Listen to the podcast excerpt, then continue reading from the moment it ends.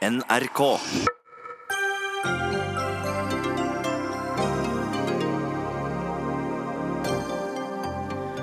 Forretningsmann fra Sola har ansatt 70 papirløse asylsøkere. Nå er han tiltalt og er glad for det. Skurk, mener Frp. Helt, mener KrF. I helgen skal arveprinsessen konfirmeres i et trossamfunn andre har valgt for henne. Debatt om valgfrihet i kongehuset i Dagsnytt 18. Advokater må bestå en ekstra test for å bli godtatt av Høyesterett. Fjern ordningen, mener jurist. Behold den, sier høyesterettsjustitiarius. Halvparten av omega-3-oljen har forsvunnet fra laksen. Ikke like sunt og godt lenger, hevder matskribent. Spis fisken din, svarer produsentene. Og Oslo kommune bruker vel 100 millioner på PR og gir smuler til fri journalistikk, hevder redaktør. Et demokratisk problem, hevder han. Tvert imot, svarer kommunikasjonssjefen.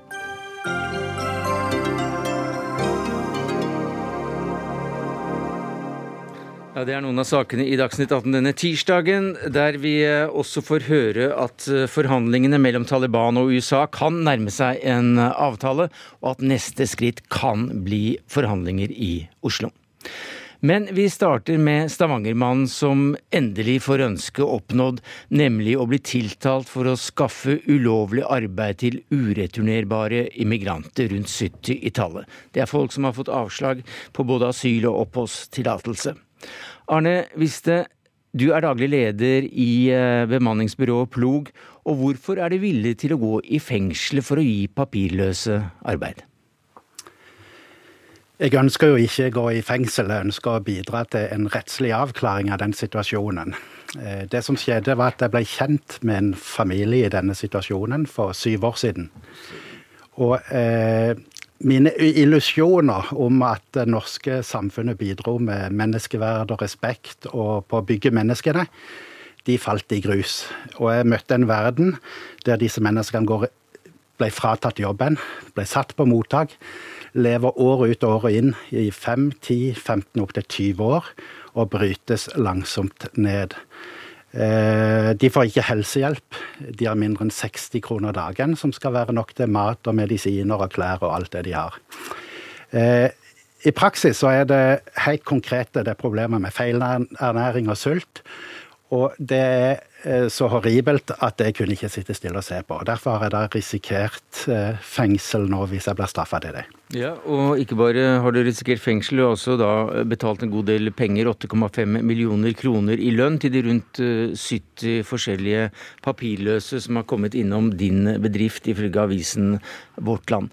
I en kronikk i NRK Ytring i dag så skriver du at du har solgt bilen og toppet huslånet for å fortsette dette bemanningsselskapet?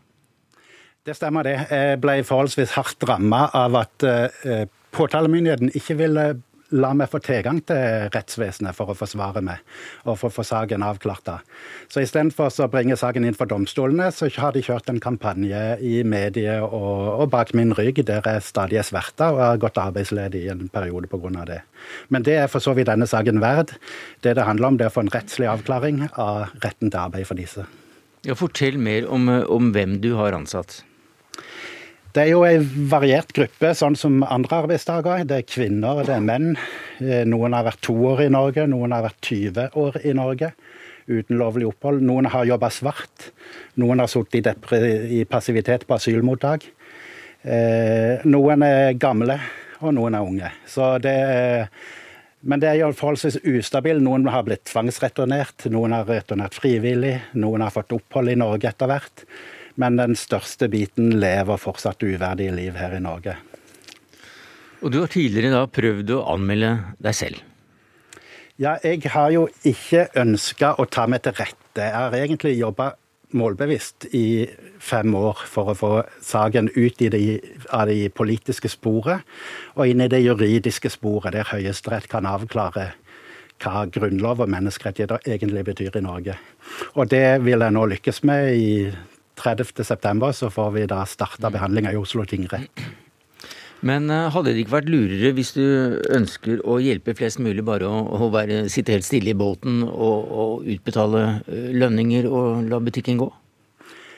Jo, eh, nå, da ville jeg jo på en måte beveget meg inn i gråsoner og svartsoner. Og, og, det har ikke vært eh, min ambisjon, så jeg har hele veien lagd bråk i media og har sendt masse brev til politi og skatt. Hensikten er jo ikke å hjelpe de fem som jeg kan hjelpe, hensikten er å hjelpe de noen få tusen som, som lever i Norge, og få en praksisendring på området. Det er vel snakk om en 3000-5000 papirløse personer i den kategorien som, som, du prøver å hjelpe i landet. Eh, takk skal du ha, Arne Viste, daglig leder i bemanningsbyrået Plog. Men følg med, for eh, vi skal ha en politisk eh, samtale, ordskifte, om akkurat eh, dette. Jon Helgheim, Helgheim, du er stortingsrepresentant og innvandringspolitisk talsmann for Frp. Hva sier du til eh, denne mannen som også er villig til å gå i fengsel for å hjelpe en gruppe mennesker som er ganske utsatt? Dette er en ganske opplagt sak. Eh, dersom man mener at eh, disse har rett på arbeid, så har man ikke lest loven. Man har rett på arbeid hvis man er arbeidsdyktig, og da må kroppen fungere til det. Og så må man ha papirene i orden. Disse har ikke papirene i orden, de har ikke lov til å være i Norge. En ikke en papirløs eh, innvandrer er ikke en som ikke har papirer på hvem han er. Det er en som ikke har papirer på at han har lov til å være i Norge. Hvis man har fått avslag på asylsøknaden så må man reise frivillig. Hvis man ikke reiser frivillig, blir man sendt ut med tvang. Hvis man ikke kan sendes ut med tvang, eh, så har vi en vanskelig situasjon at noen klorer seg fast uten å ha lov til å være her. Det ansvaret ligger på hver enkelt innvandrer. Hvis vi skulle begynne for eget forgodtbefinnende og gi disse rettigheter som de ikke har krav på, i de arbeid som de ikke har krav på, i de penger eh, og tjenester som de ikke har krav på, så trenger vi ikke å drive noe eh, forvaltning av utlendingsloven. Da. da kan vi bare oppheve alt sammen og si det at alle som kommer til Norge, uansett om du har lov til det eller ikke, kan bare ta seg til rette. Man kan bare begynne å jobbe. Man trenger jo ikke å søke om opphold da. Så dette blir å undergrave hele systemet. Har man fått avslag, så skal man ut, og det er hver enkelt ansvar. Ida Linde Tveit Røse, du er førstekandidat for KrF i Viken, tidligere leder av KrF. Hva sier du? Jeg eh, er jo helt uenig med Jon Helgheim her. Jeg eh, mener at dette er sårbare mennesker i en eh, vanskelig situasjon. Og det er altså sånn at disse menneskene har fått avslag, men ikke kan returneres til hjemlandet. Og når det ikke er mulig å returnere til hjemlandet fordi at det er krig der, de risikerer dødsstraff der eller andre ting, så setter man altså mennesker i limbo. Og det er det eh, som skjer i denne situasjonen. Og da mener jeg at disse menneskene bør ha rett til å jobbe frem til de kan returneres, eller frem til de får varig opphold i Norge. Og jeg mener også at det er en ekstremt sårbar situasjon de lever i ved at de ikke har rett til helsehjelp. De har kun rett til helsehjelp dersom det er akutt. Og det gjør at mange sitter i sårbare situasjoner, venter lenge på mm. sykdommer som de kunne fått behandling for mye tidligere og kunne rydda veien tidligere. Altså, dette er jo bare helt og fullstendig feil. Eh, det er ikke sånn at disse risikerer dødsstraff hvis de reiser tilbake. Det er ikke sånn at disse ikke kan returnere. Dette er et valg hver enkelt har gjort selv. De har valgt å forbli her ulovlig. De kan når som helst reise tilbake hvis man er forfulgt i hjemlandet sitt og søker asyl i Norge. Da får man beskyttelse i Norge. Hvis man har en grunnløs søknad, så får man avslag. Disse har en grunnløs asylsøknad og kunne når som helst ha reist. Men det er ikke alle vi kan returnere med tvang. Det er riktig, og det er fordi de stort sett har gjemt papirene sine. De har gjemt passet for politiet, slik at ikke vi kan sende dem tilbake. Dette er jo, men et, et, øyeblikk, et, øyeblikk, Vi må bare få en klar avklaring i dette her. også. det finnes jo ureturnerbare uh, tidligere asylsøkere da, som har fått avslag på alt, men som ikke kan returneres. Og det er vel også den gruppen som vi hører her at uh, Viste gir arbeid. Når man er ureturnerbar, så er det at myndighetene ikke kan returnere de med tvang. Men de kunne ha returnert frivillig, og det nekter de å gjøre. Og det er i all hovedsak det vi snakker om. Det kan være noen ytterligere ytterst få som kanskje ikke har papirer eller har, har kasta dem og kvitta seg med dem for godt. Det er deres mm. eget ansvar, men dette er mm. et bevisst valg hver enkelt har tatt. Ja, Men det finnes land som vi ikke har eh, returavtale med, og det er grunner, og det er grunner til at man ikke har returavtale med de landene. Eritrea er et eh, eksempel på det. Eh, et land hvor eh, det er farlig for mennesker å dra tilbake til. Eh, og jeg mener at istedenfor å sette mennesker i en så sårbar situasjon Det er ikke mange vi snakker om engang. Det er rundt 3000 mennesker i Norge. Så trenger disse personene hjelp. Og ved å gi dem arbeidstillatelse Mange av dem jobber jo sånn som eh, gjennom Viste f.eks. i dag. De jobber på det svarte markedet. De risikerer å bli grovt utnyttet. Istedenfor dette er mennesker som ønsker å bidra til det norske samfunnet, som vi har bruk for, og som kunne fått oppholdstillatelse frem til de selv kan returnere fordi at det har åpnet seg en returmulighet, mm. eller at de får fast opphold i Norge. Det står i loven at det er grovt uaktsomt eh, å gjøre bruk av en utlendings arbeidskraft når utlendingen ikke har en nødvendig tillatelse eh, etter loven, og det følger vel da Helgheims eh, prinsipp her.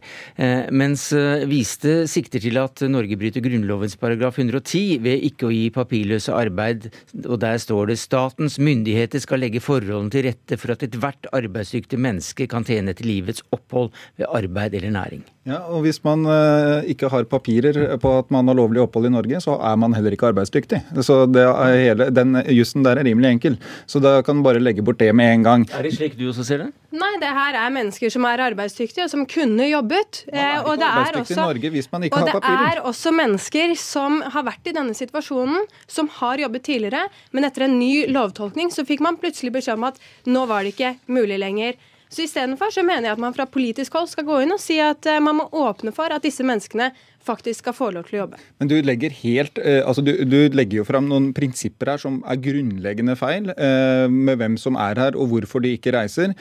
Og så er det et så til de grader naiv holdning å mene det at alle som kommer hit og bare klorer seg fast og bryter loven med å oppholde seg her uten grunn, noe som er straffbart, så ville man da gjort det sånn at det vil komme veldig mange flere? Selvfølgelig vil det komme flere hvis du bare kan si det at hvem som helst kan bare bli her, få alle rettigheter. For dere mener jo ikke bare at de skal få mulighet til å arbeide, de skal jo få tilgang på sosiale tjenester, de skal få tilgang på helsetjenester. Da blir det ikke noe skille lenger mellom de som har lovlig opphold og de som har ulovlig opphold. Da blir det fritt fram. Hvem som helst kan komme de aller fleste vil forstå at mm. det ikke vil fungere. Nei, det er feil. For det første så er det ikke noen nyhet at Helgheim ikke ønsker å hjelpe asylsøkere som ikke har fått opphold, eller papirløse. Det er ingen nyhet. Det er ingen som Nei. ønsker å hjelpe grunnløse asylsøkere. De skal returnere. Jo, dette er faktisk mennesker som uansett hva du mener og sier her, så er det i landet. Det er sårbare mennesker. Og vi som land har et ansvar, mener jeg, for å hjelpe disse i den situasjonen de står i. Dette handler ikke om å gi arbeid til alle som kommer, eller åpne åpne grensene våre. Nei, det handler om sårbare mennesker som er i en situasjon, i en limbo. Og disse menneskene burde fått jobbe frem til de enten kan returneres, men, men, eller frem til de får mm. fast opphold. Det er ganske enkelt prinsipp. Da har vi fått prinsipp. innlegg eh, for å, for å imot her. Gode prosedyrer. Rettssaken eh, starter, og vi skal ikke sette oss i doms, for den starter i Oslo tingrett 30.9. Takk skal du ha, Jon Helgheim, stortingsrepresentant og innvandringspolitisk talsmann for Frp, og Ida Lindtveit Røse, førstekandidat for KrF i Viken og tidligere leder av KrF. Dagsnytt 18 alle hverdager klokka 18.00 på NRK P2 og NRK2.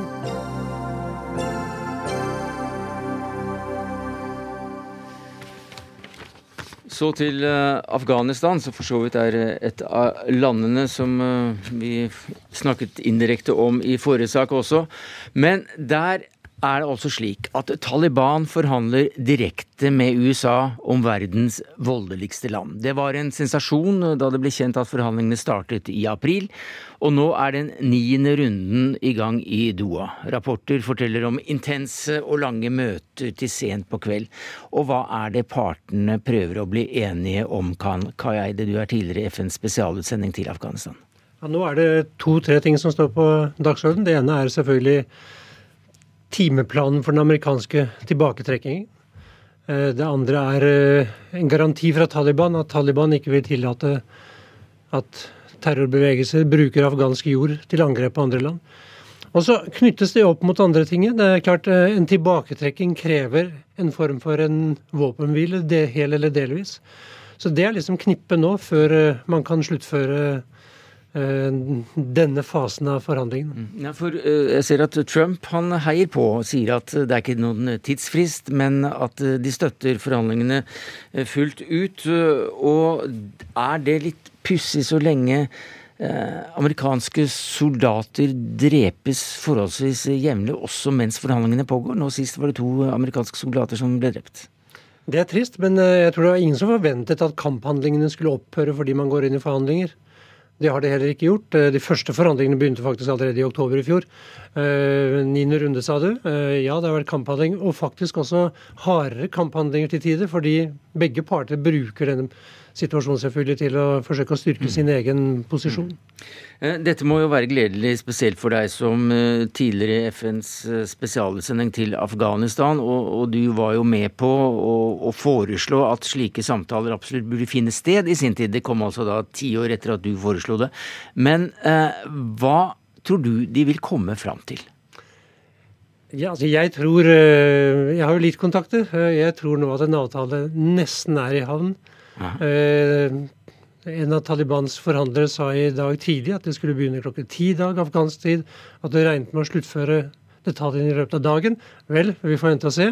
Khalizad skal reise til Kabul, ser det ut til i morgen. Den amerikanske forhandleren. Sannsynligvis for å klargjøre med den afghanske regjering at dette, dette er det vi har nådd fram til. Jeg vet ikke, men det er slik det ser ut til å tegne seg. Klart For meg, som du sier, jeg er glad for det. Jeg er den første som tok det opp i FNs sikkerhetsråd. Den gangen møtt med en kald skulder. Eh, men eh, nå skjer det. Ser det ut til. Og det er klart at det er en stor glede. Men det er veldig mange spenningsmomenter som ligger og venter på oss. Men det du sier er også at uh, ifølge kontakter som, som, du har snakket med i dag, så, så, det, så skjer dette snart? Det er det jeg blir fortalt. Det er det jeg blir fortalt. Men jeg må si uh, for et par uker siden så trodde jeg også man var veldig nær. Men det er klart, det kom. Man kan bli enige om tidsskjema, men så skal altså, som jeg nevnte, en, en våpenhvile til. Uh, amerikanerne kanskje trekker seg ut nå fra noen større baser.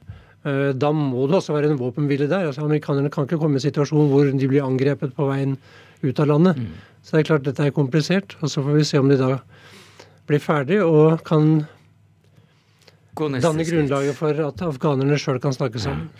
Nei, det skal vi snakke om etterpå. Men tilbake til disse avtalene som, som foregår nå. For eh, en betingelse eh, fra USA er selvsagt eh, at uh, Taliban uh, ikke må være med i et styre som huser uh, terroristgrupper som, som, IS, da. noen vil kanskje huske tilbake til 2001 og hvorfor i det hele tatt USA og andre land som, som, Norge ble involvert i den krigen. Det var nettopp for å kvitte seg med Afghanistan som et bord for, for ter terrorvirksomhet rettet mot andre land, ikke sant? men kan de få en slik garanti fra Taliban? Taliban kan gi en garanti som dreier seg om hvor hvor den er. er hvor mye makt de har til å, til å virkelig garantere, er én ting. Men her dreier det seg om en garanti om at ikke afghansk territorium skal brukes til angrep utenfor landet. Så har, du dette, det så har du dette problemet med IS, som fortsatt er der. Eh, og som jo selvfølgelig etter nederlaget i Midtøsten eh, nok er blitt sterkere i Afghanistan. Så voldshandlingene tror ikke jeg det blir slutt på fordi du får en avtale med Taliban men du får muligheten til å konsentrere oppmerksomheten om det som er av IS der. Mm. Eh, så jeg tror voldsnivået vil gå i alle fall kraftig ned, og forhåpentligvis vil vi komme til en slutt. Men det er i alle fall en helt ny situasjon. Ja, for Det er ikke mer enn en, ja, det var for, forrige helg eh, at det var et voldsomt angrep eh, et, mot et bryllup. Det var Over 60 drepte. Virkelig grusomt i den sjiamuslimske delen av Kabul. Og hvem sto bak? IS, helt åpenbart. Eh, jeg må si Da jeg så hvor det var i Kabul, så tenkte jeg det her er, dette er IS, ikke Taliban. Og Taliban tok heller ikke på seg ansvaret. Det gjorde vel IS etter hvert, men det var ganske åpenbart hvor angrepet kom fra. ja. Så er da eventuelt neste skritt at uh, Taliban og regjeringen i Kabul, som jo ikke er med på disse forhandlingene, i hvert fall ikke formelt, de sitter vel kanskje på gangen, uh, de gjør ikke det heller? Nei. De er helt utelukket fra de, er, de, befinner seg ikke i Doha. Det var et forsøk på å få dem inn en gang i Doha. De satt i tre dager og ventet på å komme inn, men eh, amerikanerne lovte at de skulle forsøke å få dem inn. Det greide de ikke. Men nå kan det altså skje. Ja, Man prøver å, å få de partene som, som virkelig gjelder eh, lokalt, å, å, snakke sammen. Og de samtalene er det som da eventuelt kan legges eh, til Oslo. Hvorfor Oslo? Ja, nå er jeg, jeg da, Det er to år siden jeg gikk av fra Utenriksdepartementet og har det bra i et eh, utmerket rådgivningsbyrå. Men, jo, men det er akkurat, jeg, derfor, jeg, akkurat derfor jeg spør deg. Jeg har fortsatt eh, litt uh, lojalitet igjen til min tidligere arbeidsgiver, så jeg Den blir vel mindre og mindre, så du kan i hvert fall si ja, hva du tror er grunnen til at nettopp Oslo Hvis det skulle bli Oslo. Ja. Hvis det skulle bli Oslo. Uh, som jeg sier, Oslo og Norge har stor troverdighet altså, når det gjelder den type virksomhet. Og vi har vært engasjert i Afghanistan i mange, mange, mange år. Norge var vel det landet, det kan man vel si åpent, som først hadde kontakt med Taliban allerede rundt 2007. Det er kontakter som har fortsatt hele tiden. Var du involvert i de? Jeg var ikke involvert i de på det tidspunkt. Jeg ble ikke involvert før jeg ble FN-utsending i 2008. Mm. 2009 hadde jeg mine 2008-2009 mine første kontakter. De ble brutt da Talibans nummer to ble tatt i husarrest av Pakistan. Han er nå tilbake som den som faktisk er toppsjefen i forhandlingene i, i Doha. Mm. Men uh, la oss holde fast ved at hvis, hvis, de kommer til Oslo, hva slags dilemmaer er det et slikt oppdrag uh, innebærer? For Norge, eller hvem det er nå ja, er som skal når, fasilitere? Norge må bestemme seg for uh, hvilken profil de skal ta. Er det vertsland? Er det en fasilitator? Er det en megler? Er det noe midt imellom en megler og en fasilitator? Det er klart at Den type forhandlinger trenger da ikke sant, en relativt sterk hånd som kan bidra til å styre dem som kan gripe inn når det er problemer, når partene truer med å bryte forhandlingene osv. Hjelpe til med kanskje å formulere visse ting. Hvor langt vil Norge gå i den i vurderingen av hva slags rolle vi skal ta, det er jeg virkelig spent på å se. Hva, men, tror, hva tror, du? Um, det er vanskelig å si. Uh, men min, min, mitt råd vil nok være å være relativt fremoverlent. Det innebærer en risiko. Men vi har vært villige til å ta risiko i andre konflikter også. Vi er, vi er ikke risk averse, som mange andre er. Men det har jo gått aldeles galt av og til, f.eks. i Midtøsten og på Sri Lanka? Det går iblant galt, og det går iblant bra. Mm. Men så tilbake til, til Taliban og, og, og, og, hva som kan komme ut av slike forhandlinger. Hva slags, hva slags framtid er det Taliban ser for seg i Afghanistan? Du snakker jo med dine kilder.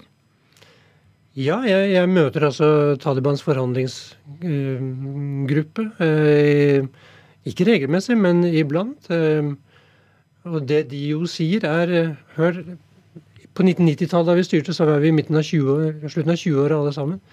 Nå er vi i slutten av 40-åra, begynnelsen av 50-åra. Det er klart vi har lært. Mm. Vi ønsker å bli kvitt de internasjonale styrkene. Men vi ønsker ikke å bli kvitt det internasjonale nærværet. Vi ønsker å være en del av, av det internasjonale samfunn og trenger også bistand til å bygge opp Afghanistan, så stiller det også, reiser det også en rekke dilemmaer. Um, og det er klart Mange vil sette spørsmålstegn ved uh, troverdigheten ved den type uttalelser, men det er det, de, det er det, de, sier. De sier også at vi vet vi ikke kan styre Afghanistan. Vi har ikke evne og kapasitet til det. Ja. Men de vil være med i en koalisjon. Men da med strenge sharialover og, og være kår for kvinner? Vel, det er, der, eh, det er, der, noe av problemene kommer opp. ikke sant? For eh, det de jo sier, er vi vil se på Grunnloven igjen. Vi vil ha den mer i islamsk retning, som de sier. Hva betyr det? Det vet vi ikke. Eh, de har kommet med en del uttalelser som er veldig positive når det gjelder kvinners rolle. Jeg håper de mener det. Men det er klart, dette får vi ikke se før forhandlingene kommer i gang. Nå har det vært flere store møter dialogmøter mellom en 50-60-talls afghanske politikere og denne Taliban-gruppen. Eh, de er kommet derfra, tror jeg, relativt optimistiske. Men så skal forhandlingene komme i gang, og det blir ikke lett. Men i første omgang så ser det også ut som det er signaler om at eh, det kan bli en avtale mellom Taliban og USA. Så får vi se uh, hva som skjer i neste runde. Har du noe tidsperspektiv for når en endelig avtale kan komme mellom regjeringen og, og Taliban også, kort til slutt? Altså, det må jeg si, eh, for det første tror jeg, Selv om vi får vite at det kommer en avtale nå, så tror jeg ikke det blir noen undertegning de første dagene. Kanskje skjer det rundt før 1.9. Mm. Men så kommer da det afghanske valget i veien ikke sant, den 28.9. Eh, jeg vil jo håpe at dersom det blir forhandlinger i Oslo eller et annet sted, så må de vare en uke eller to, i hvert fall. Det er ikke en dag eller to. Og, Det betyr også at man må komme fram til en eller annen ramme, i hvert fall for hva man skal diskutere videre.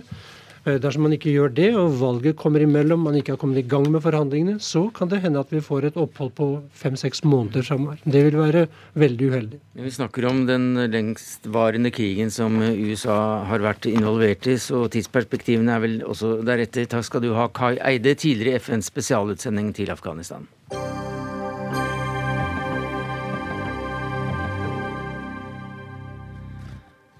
Ja, Hvilke advokater skal få tilgang til Høyesterett? Det er neste sak eh, til doms her i Dagsnytt 18. Advokatprøven må nemlig fremdeles avlegges, og i fjor strøk 30% av de som prøvde seg av advokater.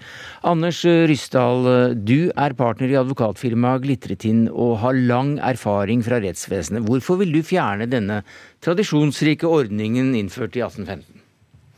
Vel, det er særlig to grunner til at det er naturlig å se på dette nå. For det første så skal vi få en ny advokatlov. Da er dette et av de temaene som Justisdepartementet må ta stilling til. Og det er jo en, eh, et sentralt trekk ved denne prøven at den på en måte griper inn i forholdet mellom advokaten og klienten. Hvis en klient har en advokat som ikke har prøven, så må han skaffe seg en ny advokat i Høyesterett. Men de følgene det får, Eh, for kostnader osv.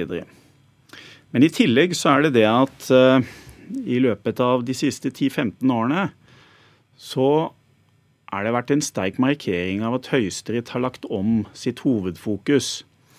De løser ikke bare tvister, de foretar rettsavklaring. Dvs. Si at de egentlig driver med regelproduksjon.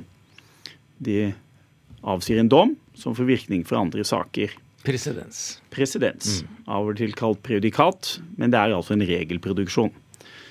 Og eh, jeg mener at advokatpremien slik vi nå har den, er et for dårlig grunnlag for disse presedensene. Jeg mener at er, den er litt asymmetrisk, og i og med at det er mange advokater som stryker, så betyr jo det dessverre at Høyesterett nødvendigvis må treffe en del avgjørelser på bakgrunn av utilfredsstillende forberedelser. Asymmetrisk? Ja, det er et trekk ved prøven som er litt overraskende. Men det er bare én part som kan ha en prøveadvokat. Så den mm. andre parten må ha en advokat som allerede har prøven. Som da etter systemet skal være noe mer dreven. Toril Marie Øie, du er høyesterettsjustitiarius og har vært det siden 2016. Hva sier du til denne kritikken? Ja, først vil jeg si at uh, det er ikke så mange advokater som stryker til prøven. Det er heller ikke 30 I, i, Hittil i år så er det fem advokater som har strøket, og i, i fjor så var det 11. Så det ligger på en 11-12-13 jeg mener klart at advokatprøven fortsatt er eh, viktig. Eh, den skal sikre at advokater som fører saker for Høyesterett, er egnet til det, slik at Høyesterett nettopp får et godt grunnlag for de sakene som advokat Ryssdal snakket om. Et, et nåløye der bare de beste skal slippe igjennom, sånn at vi vet at eh, de som fører saker i Høyesterett, det er spesielt bra advokat? Jeg syns det er å ta hardt i å si bare de beste. Som sagt så var det altså fem advokater som strøk, eh, har strøket nå. Det er en strykprosent på en 11-12-13 eh, og bakgrunnen for det er eh, sammensatt, men situasjonen er den at som det ble fremhevet her, Høyesterett treffer prinsipielle avgjørelser, og rettslivet plikter å følge avgjørelsene. Det er altså ikke bare et forhold mellom partene, eh, men også eh, Dommene vil også ha stor betydning for rettslivet ellers. Så må man ta i betraktning at Høyesterett eh, treffer avgjørelser på alle slags områder, alle rettsområder. Og er, dommerne er ikke plukket ut etter spesialkompetanse. Og det er advokatenes oppgave å da legge frem et godt grunnlag for Høyesterett. Og det sier seg selv da at da må man ha advokater som er egnet til det. Eh, jeg tror nok at hvis jeg hadde vært eh, høyesterettsdommer, så tror jeg også vært engstelig for å avskaffe advokatprøven hvis det ikke skulle komme noe annet i stedet. Det har jeg forståelse for, hvis det bare skulle være fritt frem for folk som stiller opp uforberedt. Nå tror jeg nok at terskelen for en advokat for å prosedere i Høyesterett er veldig høy, i den forstand at man tar oppdraget svært alvorlig. Eh, slik at mange ville nok forberedt seg meget godt uansett. Men mitt poeng er jo ikke nødvendigvis at ikke Høyesterett trenger gode forberedelser. Det mener jeg absolutt. Men hvis man skal avsi presidensavgjørelser, så må begge sider av saken være godt opplyst. Og slik som advokatprøven er nå, så er det da sånn at den ene part per definisjon har noe mer dreven advokat enn den andre. Og systemet er også slik at hver advokat skal ivareta sin eh, klient, ikke rettsutviklingen. Mm. Men det er, det er akkurat den, den, prøven, eh, spesielle prøven, som jo da bare skjer én gang i en advokats liv, eh, hvis han består. Eller hun. Ja, det er et par saker. Men jeg skjønner rett og slett ikke det argumentet, for advokatene blir jo ikke noe bedre eller dårligere om de er oppe til prøve eller ikke. Slik at man vil jo ha de samme eh, advokatene. Det Høyesterett da ønsker, er å ikke ha de advokatene som ikke viser seg egnet, i sakene fremover. Men, men, at det skal forrykke forholdet mellom advokatene altså Det vil jo komme ferske Hvis man ikke hadde hatt advokatprøven, så ville det jo også komme uh, advokater som ikke har prosedert saker fra Høyesterett tidligere. Og da vil det, og den asymmetrien eh, inntre. Eh, og eh, det er jo også slik at eh, det er meget dyktige dommere i Høyesterett som selvfølgelig går inn i sakene også på selvstendig grunnlag. Vi har utredere som kan utrede enkeltspørsmål. Og hvis det da viser seg at det er spørsmål som ikke er godt nok belyst, kan vi ta opp saken til videre vurdering. Mitt syn er at advokater plikter å gjøre en solid innsats når det er i Høyesterett. Men vi må huske på at prøven er jo ikke en prøve for klientene deres saker blir jo endelig avgjort. Så hvis en advokat stryker til Høyesterett, så har klienten også per, en, per, definisjon på en måte hatt en for dårlig advokat. Men, men er det ikke snarere tvert imot, kan man tenke seg, at uh, saker som skal i en sånn prøvesak for, uh, for Høyesterett, uh, en advokat som gjerne vil bli det vi i gamle dager kalte høyesterettsadvokat, at de sakene blir nettopp ekstra nøye gått igjennom av klientens advokat? Men mitt poeng er jo at hvis du overlater det kun til advokatene, slik systemet er nå, så er det en ubalanse mellom den advokaten som er oppe til prøven og den andre advokaten. I tillegg så pålegges jo den advokaten som må eventuelt skifte, eh, den klient som må skifte advokat, pålegges økte kostnader. Så jeg sier ikke at advokat ikke skal godt forberedt til Høyesterett. Jeg sier at vi må i tillegg ha andre forberedelser. Og da er konsekvensen av det etter mitt syn at det er ikke så stort behov for å ha den prøven. Man mm. må i Norge som i andre land kunne lage en klar oppskrift på hva som kreves. Jeg er ikke enig i dette. Eh, det er helt klart slik vårt system er, at det er, klient, det er partene eh, som skal argumentere for sin eh, sak gjennom advokatene sine. Og vi ville da få et helt annet system hvis advokatene skulle spille, nærmest skulle sitte på benken, og så var det da andre som utredet uh, sakene. Men, men uh, dette skal også da vurderes i uh, en ny advokatlov, er det slik? Ja, det er en ny advokatlov som har vært i vurdering i en, en god stund, fordi at den reiser en rekke spørsmål, ikke bare dette spørsmålet her. Eh, jeg har også bare lyst på å tilføye en ting til det som advokat Ryssdal sa i sted, om at en rekke eh, må eh, skifte advokat. Det er ikke vår erfaring, iallfall når saken kommer til Høyesterett. Så er det uhyre sjelden at vi opplever at en part må skifte advokat. Og jeg vil også nevne det, at det er en særskilt rettshjelpsordning for Høyesterett som gjør at privatpersoner vil kunne dekke, få dekket kostnadene sine. Mm. For Høyesterett. Takk skal du ha, Toril Marie Øie, høyesterettsjustitiarius, og til deg, Anders Ryssdal, advokat i advokatfirmaet Glittertind.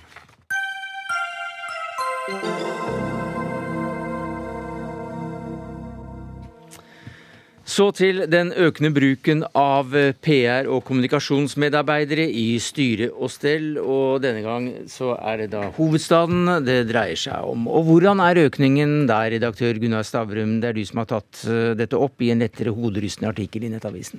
Ja, altså For øyeblikket så bruker man da over 100 millioner kroner i året på utadretta styrt kommunikasjon i Oslo kommune. Og veksten i antall årsverk som driver med det, har vært på 30% de siste årene. Så da betyr det at man bruker hvor mye penger? Over 100 millioner i året. Uh, og dette syns du er mye? Ja, jeg syns det er mye av flere grunner. Eh, den ene tingen er på en måte offentlig ressursbruk. At disse pengene sikkert kunne vært brukt til andre ting i offentlig sektor. Eh, men det andre det er misforholdet mellom den styrte informasjonen fra kommunen og det som på en måte er fri journalistikk fra mediene. Og Oslo kommune er regna som en hvit flekk på norgeskartet når det gjelder å følge med på, følge med på kommunen. da ja, Hva betyr det? Det betyr at det er veldig få medier som har folk som faktisk aktivt jobber mot Oslo kommune. Eh, og jeg syns det er nesten komisk at kommunen lyser ut en ny pressestøtte til 3 millioner kroner som mediene kan søke på, samtidig som de betaler 1 million kroner til en YouTuber som skryter av miljøsatsinga i Oslo. Hanne Gjørts, du er kommunikasjonssjef i Oslo kommune. Hvorfor er det så mange? Jeg tror vi må rydde litt i begrepene her. Eh, det høres ut som på Nettavisens redaktør at det er 100 millioner brukt på kommunikasjon knytta til politikerne i Oslo kommune.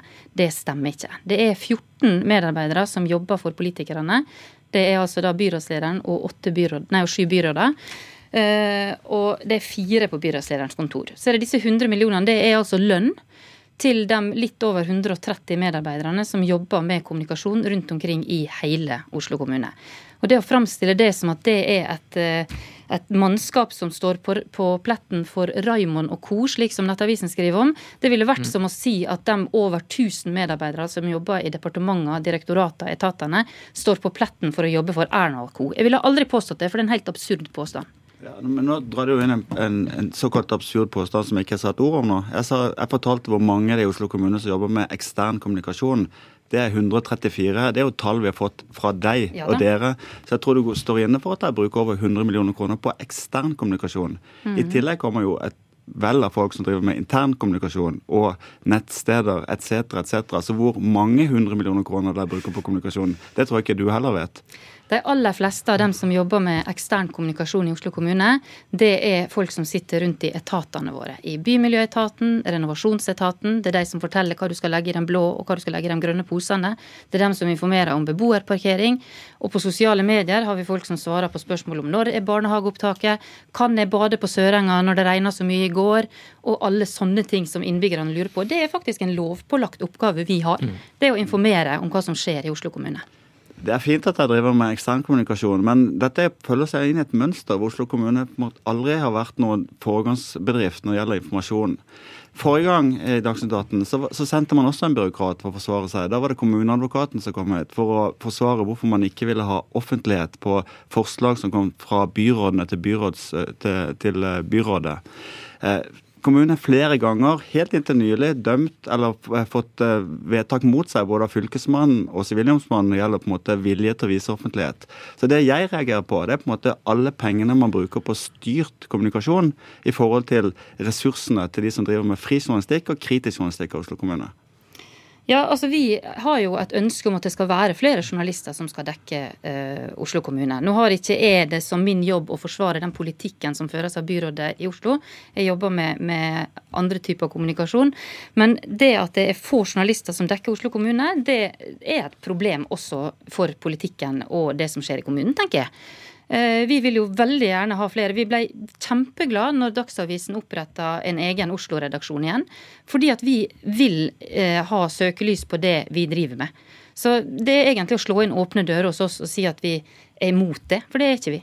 Nei, Men det dere er villige til å legge på bordet for å få det til, det er 3 millioner kroner i året. Eh, inntil nylig så har dere brukt 30 millioner kroner på kommunikasjon for å skryte av Oslo som miljøby i år. Og som jeg nevnt, altså 1 million, 1 million kroner til en 17-åring som skulle lage YouTube-innslag. Ja. Så 3 millioner til en samlet norsk presse, 1 million til en 17-åring.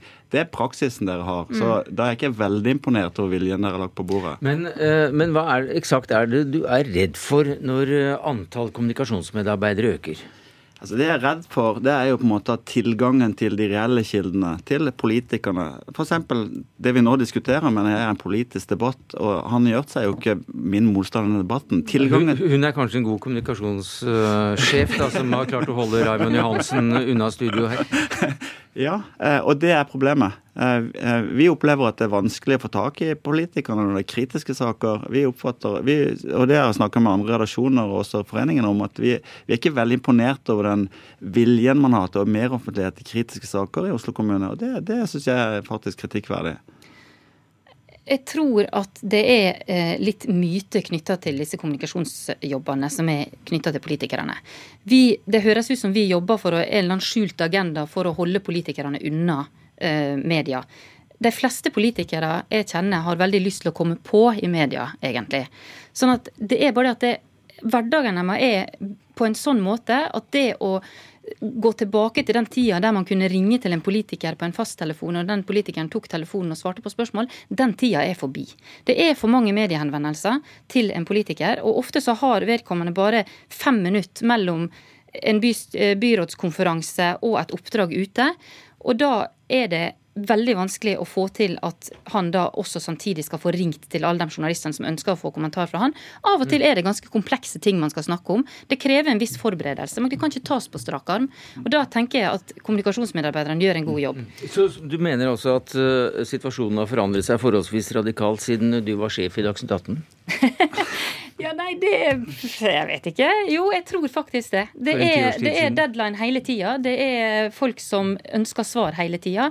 Tidene ja. forandrer seg. Ja, og, men viljen til å stå fram i saker som er positive og ukontroversielle, er mye større enn viljen til å svare på spørsmål som er kritiske og komplekse. Og eh, Hvis det er slik at det er en veldig viktig oppgave å drive med eksternkommunikasjon, og det også er sånn at politikerne faktisk er folkevalgt, altså det er vi på vegne av befolkningen som ønsker å stille spørsmål, så tror jeg at det hadde vært hjulpet litt at man viser mer vilje til å svare direkte på kritiske spørsmål, og kanskje mer vilje til å spare på antall personer som jobber med styrt kommunikasjon. Og Dette tar media opp med oss stadig vekk, og så sier de gi meg eksempel, for sånn skal ikke det være. Det skal ikke være sånn at ikke eh, politikerne svarer. Kom med eksempler. Veldig ofte blir det stille. Så jeg føler ofte at den kritikken er litt sånn på autopilot.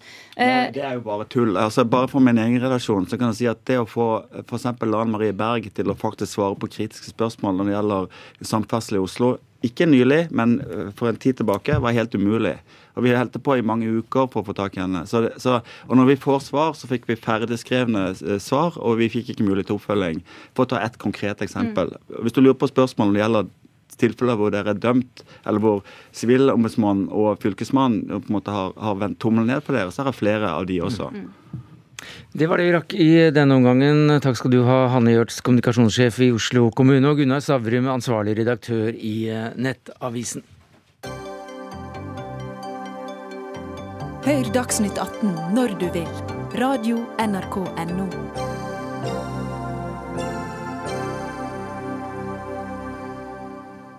Norsk laks er ikke like sunt og godt lenger. Ja, Det skriver eh, du som kommentator i Aftenposten i dag, Jo Akim Lund. Og hvorfor har mærenes konge tapt seg?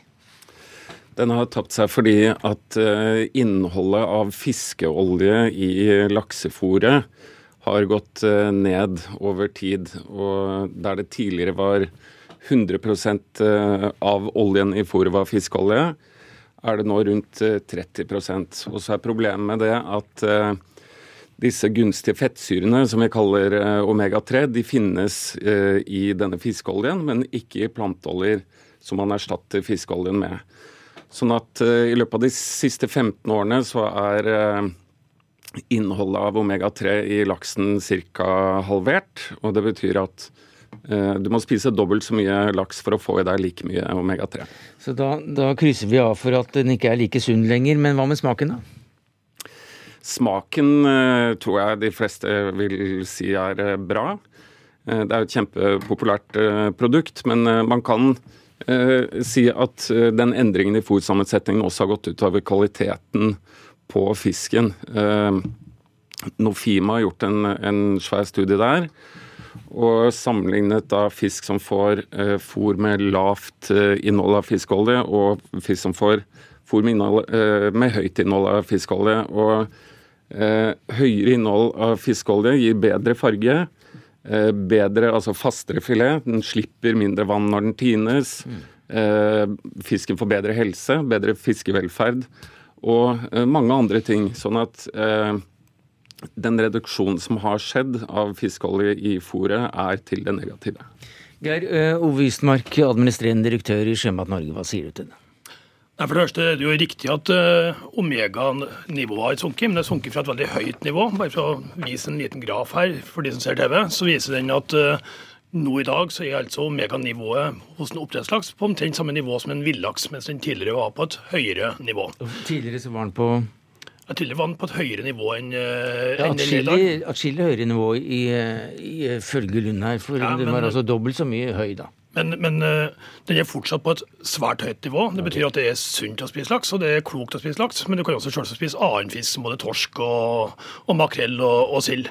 Men uh, årsaken til at vi reduserte bruken av marine oljer i, i fiskefôret, det var jo fordi miljøbevegelsen stilte krav om at vi burde gå over til andre fôringredienser. De ønska at vi skulle bruke mindre eh, olje som var basert på konsumfisk, og mer på på andre arter så har vi tilpasset oss de kravene fra miljøbevegelsen. Det har vært en formidabel omstilling i, i næringa som har vært i tråd med det som var ønskene fra miljøbevegelsen.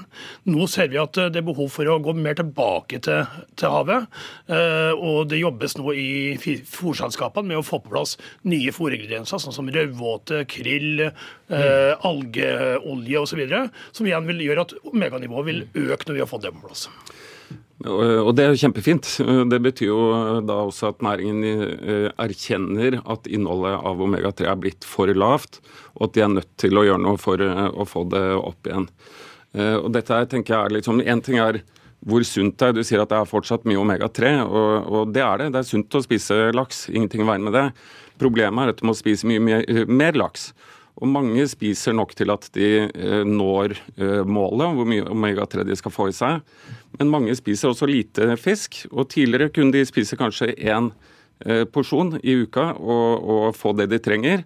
Nå må de spise to. sånn at det, at det har en negativ effekt, er helt uomtvistelig.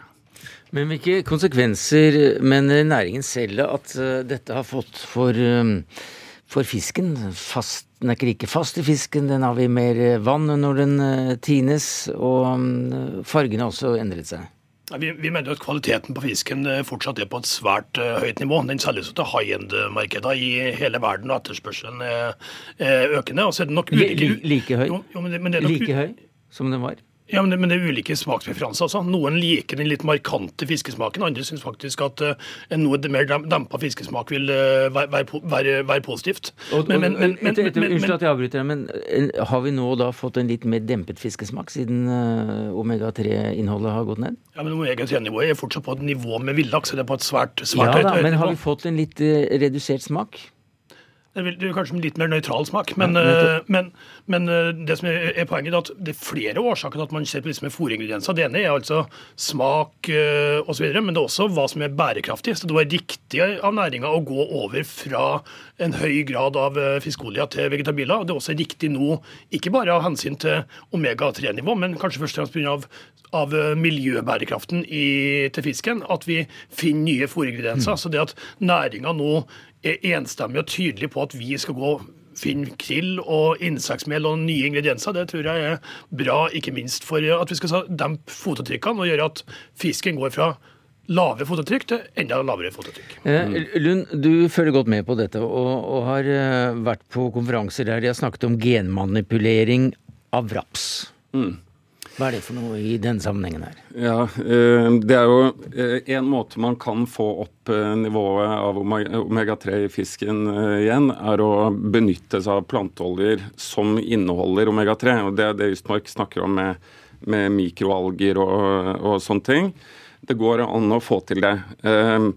Men den enkleste måten å få det til på, er å genmanipulere raps sånn at den rapsen inneholder de samme fettsyrene som, som fisken gjør. Et lite fiskegen inni rapsen? Ja, kan du godt si. Men, eh, gen, men, den type genmanipulering det vil jo ikke Europa ha, og Norge vil ikke ha det. sånn at der kan andre, eh, andre nasjoner, andre markeder, stille med et konkurransefortrinn, fordi at de sier ja til den type genmanipulering.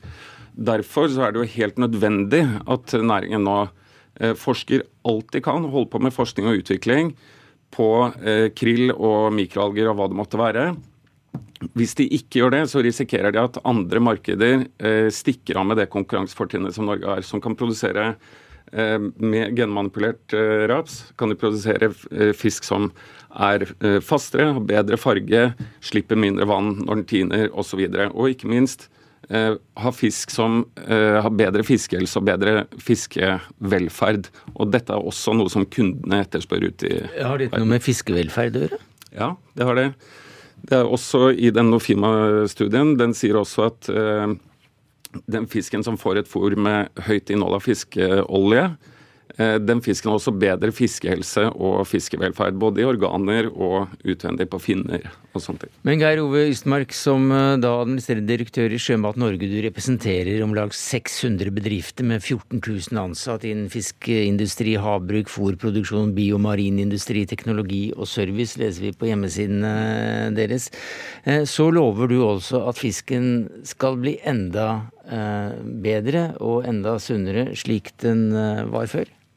Altså, Fisken er både sunn og god i dag også. En, jeg bare, bare, enda, jo, enda, sunnere, sier jeg. det, er, det er grader her. Ja da, men ja. Uh, det som er fokus til næringa, og næringa Vi har jo hatt møte i dag senest i dag med de store fiskefòrselskapene. De er veldig tydelige på at her må vi få på plass nye fòringredienser. Vi må jakte på krill, rødvåte, tang, tare, alger, insekt. Vi skal finne mange av disse ingrediensene. Og det gjør også at vi kan bygge nye haveventyr i Norge, nye næringer i Norge, og samtidig eh, gjør at denne fisken ikke bare blir enda bedre, men at den også kommer til å bli enda mer miljøvennlig. Også mygg også kan, kan brukes insekter som uh... Insekt går helt utmerket, og det kan man eh, drive mm. både oppdrett på, og det er helt naturlig for en laks å spise mygg. Ja. Eh, da sier vi det at til nå så har det kanskje akkurat vært veldig vellykket dette med å gi mindre omega-3-prat. da må vi også spise dobbelt så mye fiskelønn. Ja, spis fisk. Den eh, regelen gjelder fortsatt. Takk skal du ha, Joakim Lund, kommentator i Aftenposten. Takk til deg, Geir Ove Ystmark, administrerende direktør i Sjømat Norge.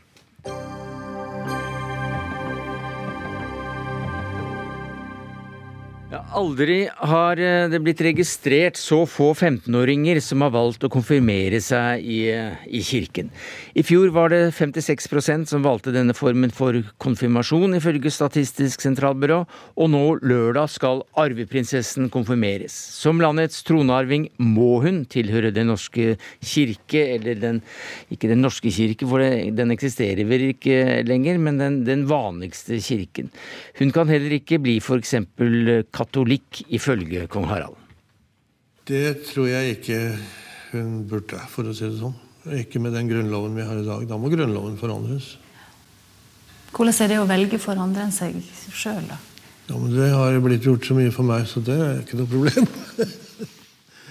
ja, Det var også kong Harald eh, i en samtale med NRKs reporter Kristi Marie Skrede. Kjetil Alstaheim, politisk redaktør i Dagens Næringsliv. Hva synes du om at arveprinsessen ikke får velge selv? Jeg syns jo dette er en av de problematiske sidene ved monarkiet. I, også barn har eh, en trosfrihet, og når du er 15 år, så kan du bestemme selv om du vil melde deg inn eller ut av et eh, trossamfunn. Og alle 15-åringer i Norge kan det, bortsett fra Ingrid Alexandra.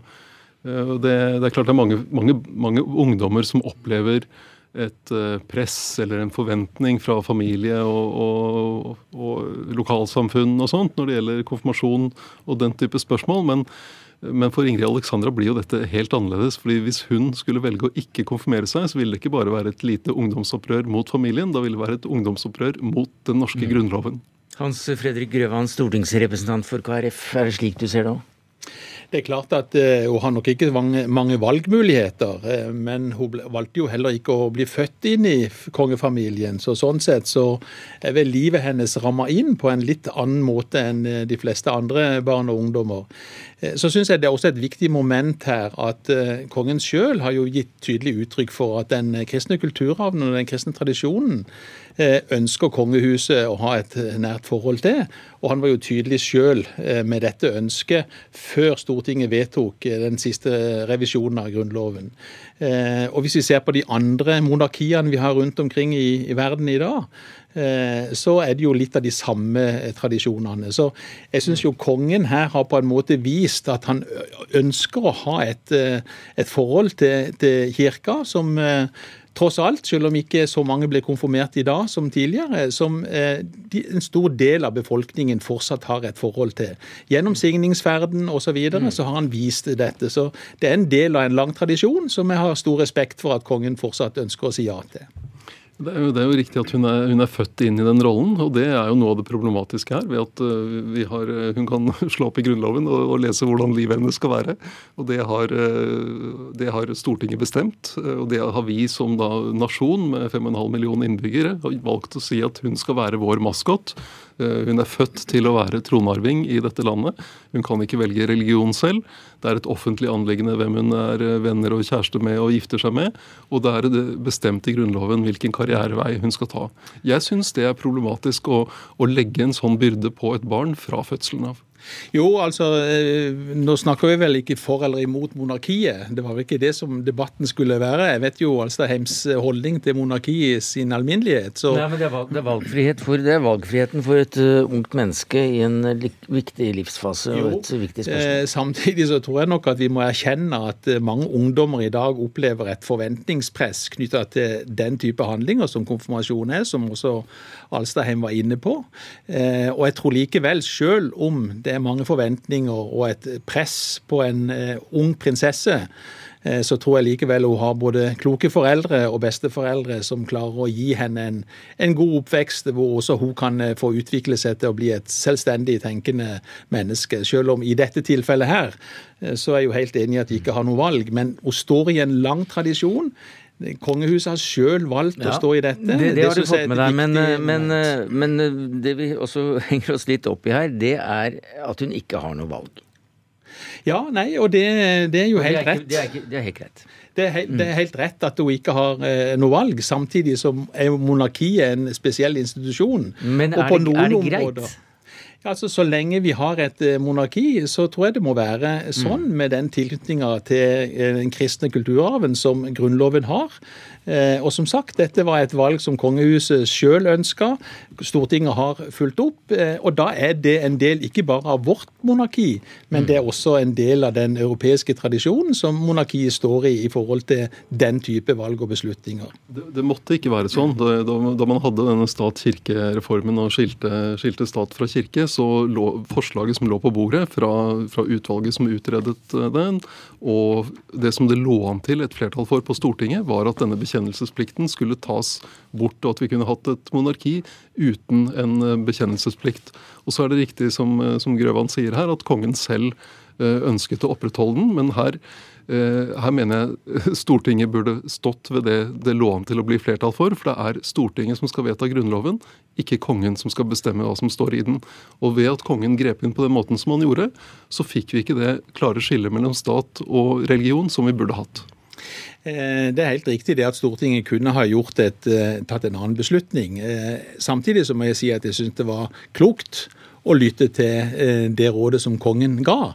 Det var ut fra et personlig ønske han hadde, og han formidla det på, på, en måte som gjorde at det fikk respekt blant stortingsrepresentantene, og en valgte å gjøre det på den måten der. Og det står jo også i en lang tradisjon. Eh, så det å gjøre dette eh, var jo ikke noe stort skritt for Stortinget, sjøl om en skilte stat og kirke. Kongen er jo fortsatt eh, en, en viktig person som har et nært forhold, men han er jo ikke kirkens overhode lenger. Men han velger likevel delta på kirkemøter mm. osv. Så, videre. så vi har et forhold der han har et nært forhold til kirka, han har et nært forhold til folket. Det syns jeg ikke er mm. veldig unaturlig, og det syns han må få lov til å gi uttrykk for. Altså, er det ikke slik at når vi, når vi først har et uh, monarki, og det er et flertall i Norge for det, og ikke minst et flertall på Stortinget, så, uh, så må vi også godta en god del andre ting som uh, henger med i en slik ordning. Og, og at prinsesser ikke har valgfrihet i slike trosspørsmål, det er da en av dem, og det må være greit. Eller, eller kan man forandre det pø om pø? Akkurat denne paragrafen kunne vært forandret i forbindelse med stat-kirke-reformen, og vi ville fortsatt hatt eh, et monarki. Så det, det, går an å gjøre justeringer her, også innenfor det, det, monarkiet vi har. Men det er klart eh, det Grøvan snakker om, at det er en lang tradisjon for denne koblingen mellom kongehus og kirke. Det har han jo helt rett i. og det, det, Hvis vi går tilbake før vi fikk Grunnloven i 1814, så hadde vi jo et eh, monarki der kongen fikk sin makt fra Gud. Og så hadde vi Eidsvoll, der vi gjorde om på dette, og Stortinget fikk sin makt fra folket. Det skal bare noen vedtak til, og over en fireårsperiode og nytt storting og sånt, og så er det hele helt annerledes. Takk skal du ha, Kjetil Alstaheim, politisk redaktør i Dagens Næringsliv, Hans Fredrik Grøvan, stortingsrepresentant for KrF. Det, KrF, ja. Det var det vi rakk i Dagsnytt 18 i dag, takket være ansvarlig for det hele, Tarjei Kramviken. Det tekniske ansvaret hadde Eli Kyrkjebø. Jeg heter Sverre Tom Radøy. I morgen er vi tilbake med Espen Aas i studio.